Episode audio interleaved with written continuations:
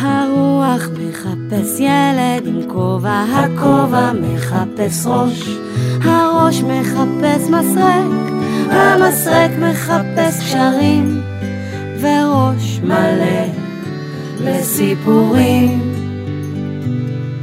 וראש מלא בסיפורים. סיפורים ושירים מאת שירה גפן. בלונה. את הבלון האחרון לקח אלון. בלי צבע היה הבלון. אולי בגלל זה נשאר אחרון. המוכר חייך לאלון, ואלון הביט בבלון. פתאום התיישב לו זבוב על האף. אלון עזב את החוט כדי לגרד, והבלון עף. אלון ניסה לתפוס את החוט, אבל זה הסתלסל כמו זנב אחרי הבלון מעלה-מעלה, מעל לראשו של אלון, ומעל לראש המוכר, ומעל לעמוד החשמל, גבוה יותר ויותר. אלון הסתכל בו מלמטה עד שכאב הצוואר, והמוכר עמד שם ולא עשה שום דבר. ובגלל שהיה זה בלון בלי צבע, כלומר בלון לבן, במהרה נהפך לנקודה קטנטנה ונבלע בענן. בלונים שעוזבים אותם, הם עפים. חייך המוכר חיוך של קמטים. הזהרתי מראש את כל הילדים שאי פעם קנו פה בלון. רק אותי לא הזהרת, ענה לו לאט ובשקט אלון. כי נראית לי ילד חכם, אמר המוכר וגרד במגבעת. אני חכם, אמר אלון, אבל יש דברים שקשה לדעת. אני באמת מצטער, אמר המוכר, ובאמת התכוון. הייתי נותן לך עוד בלון, אפילו בחינם, אבל אתה רואה? הם נגמרו כולם. אם תבוא מחר, ילד, תקבל בלון אדום. לא קוראים לי ילד, אמר הילד אלון, ואני לא רוצה עוד בלון, ואני לא אוהב אדום. טוב, אמר המוכר, אין לי מה לתת לך, וקשה לי כבר לעמוד, אני צריך ללכת. תגלה לי סוד, אמר אלון. סוד של בלונים. אני רוצה שתגלה לי לאן כולם עפים. המוכר חייך ואמר, את הסוד הזה לא סיפרתי אף פעם לאף אחד. אבל לך אני אספר, כי אתה מיוחד. הוא התיישב על קצה המדרכת והתחיל לספר שלמעלה, גבוה, מעבר לקשת, מעל צמרות הכוכבים, מעל המקום הבהיר והרך שבו ירח ושמש מתחלפים, מעל קיני הזהב שבהם ישנות ציפורים כתומות, במרומים שבהם כבר אין צורות לעננים, נמצאים הבלונים. המוכר פיהק וקם. ואלון שאל, איך מגיעים לשם? אני לא יודע, אמר המוכר העייף, וגם אסור לי לגלות. אלון התעקש, ושאל אותו שוב. צריך לחשוב מחשבות קלות, אמר המוכר, והלך. מחשבות קלות, חשב אלון. שקית ניילון ריקה. חשב פרפר עם כנף אחת, אבל מאוד גדולה. ריס, ריס שנשר בלי משאלה. נמלה לפני שנולדה.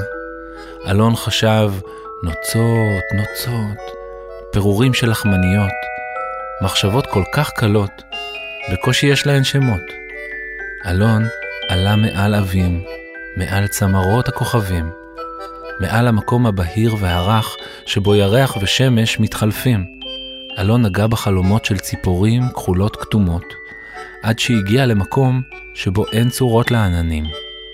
ושם, בדיוק, הוא נעצר, בתוך שדה של בלונים. אלון הרגיש איך שכולם מסתכלים עליו. לפתע הוא שמע קול חלש מאחוריו. הוא הסתובב, ואז ראה מרחף מולו בלון שקוף ומקומט וזקן מאוד. ומתוך פה של גומי יצא משפט כזה, מה אלון כמוך עושה פה במקום הזה?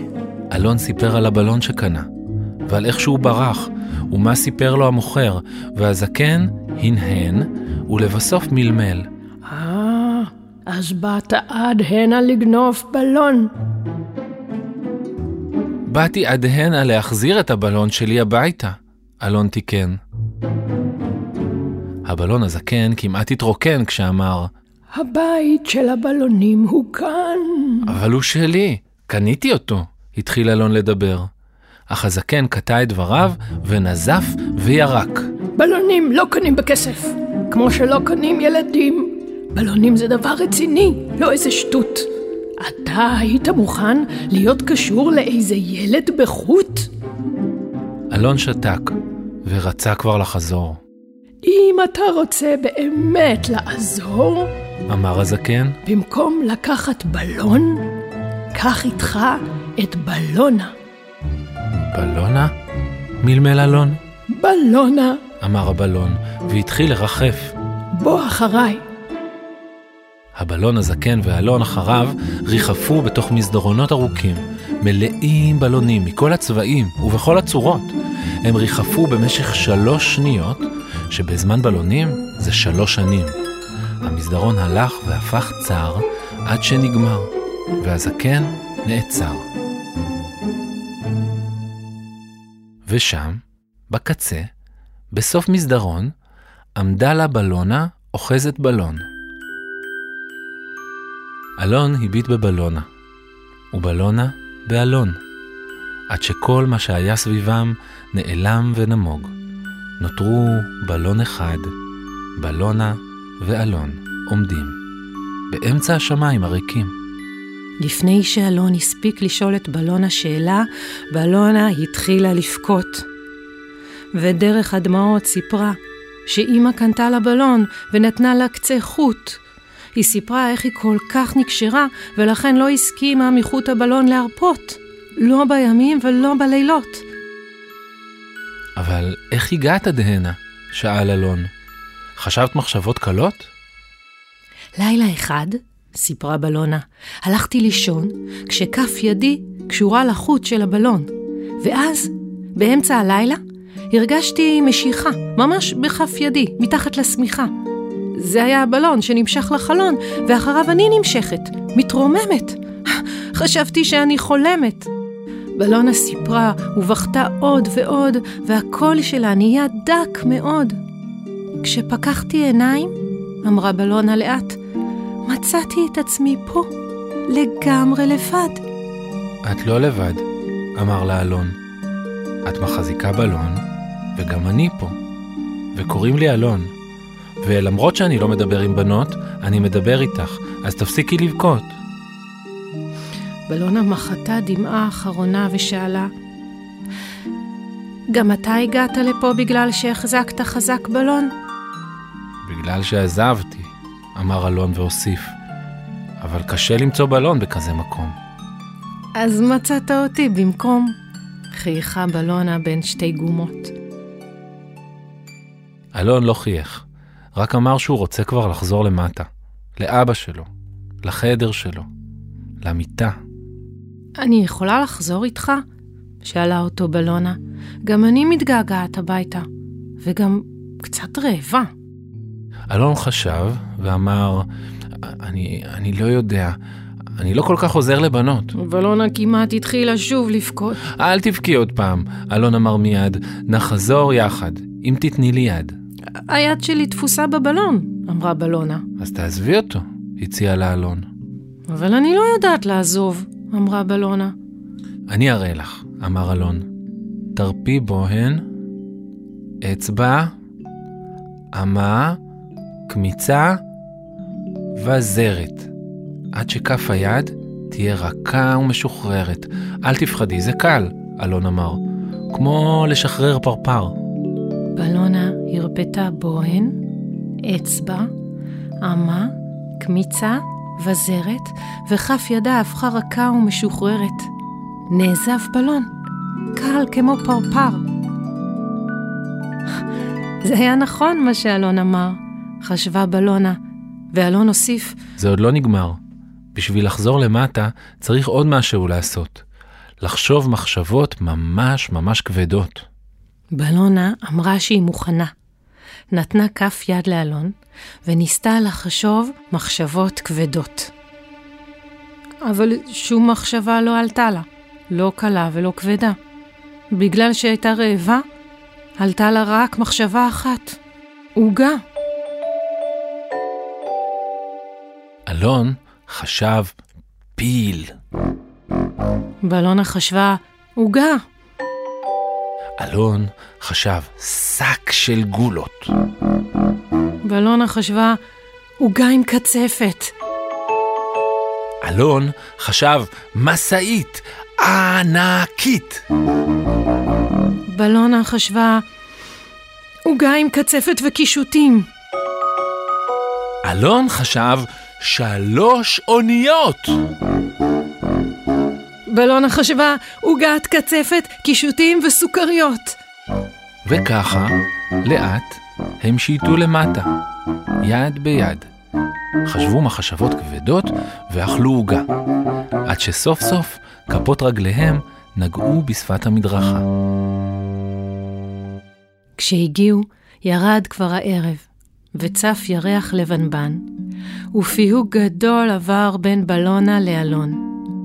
הם אמרו יפה שלום ולילה טוב, אבל כף היד של בלונה לא הצליחה לעזוב. אם אני אשחרר את כף היד שלך, אמרה בלונה בעיניים מלאות במים, גם אתה, כמו הבלון, תעוף אל השמיים? מה פתאום? אמר אלון. אני גר בסוף הרחוב. אבל אני לא יודעת לעזוב, אמרה בלונה. אני אראה לך, אמר אלון. תרפי בוהן, אצבע, אמה, קמיצה וזרת, עד שכף היד תהיה רכה ומשוחררת. אל תפחדי, זה קל, אלון אמר, כמו לשחרר פרפר. בלונה הרפתה בוהן, אצבע, אמה, קמיצה וזרת, וכף ידה הפכה רכה ומשוחררת. נעזב אלון, קל כמו פרפר, והבטיח לחזור. אולי מחר?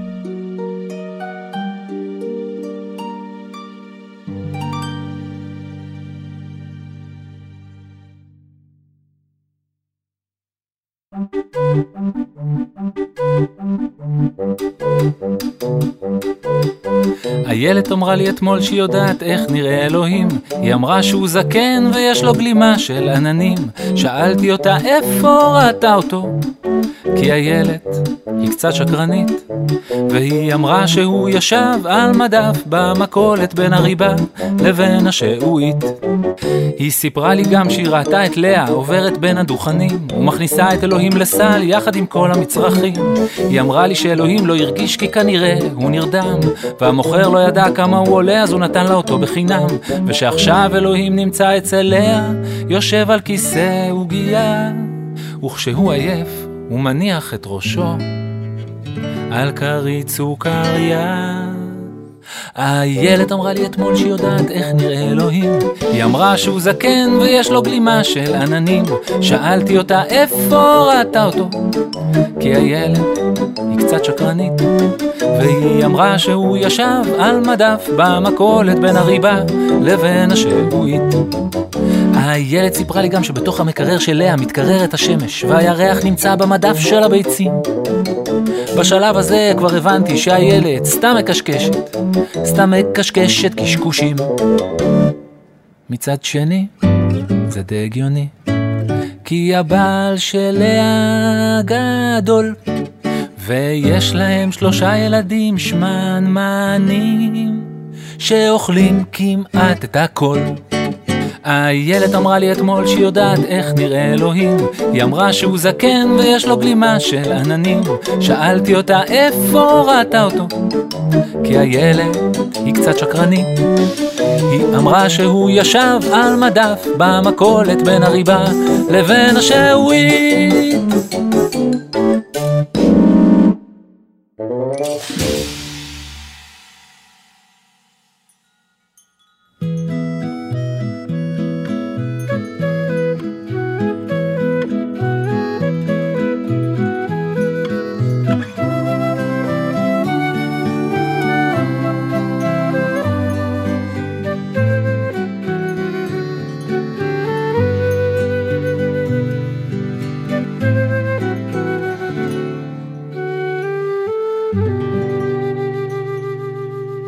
האזנתם לסיפורים ושירים מאת שיר הגפן.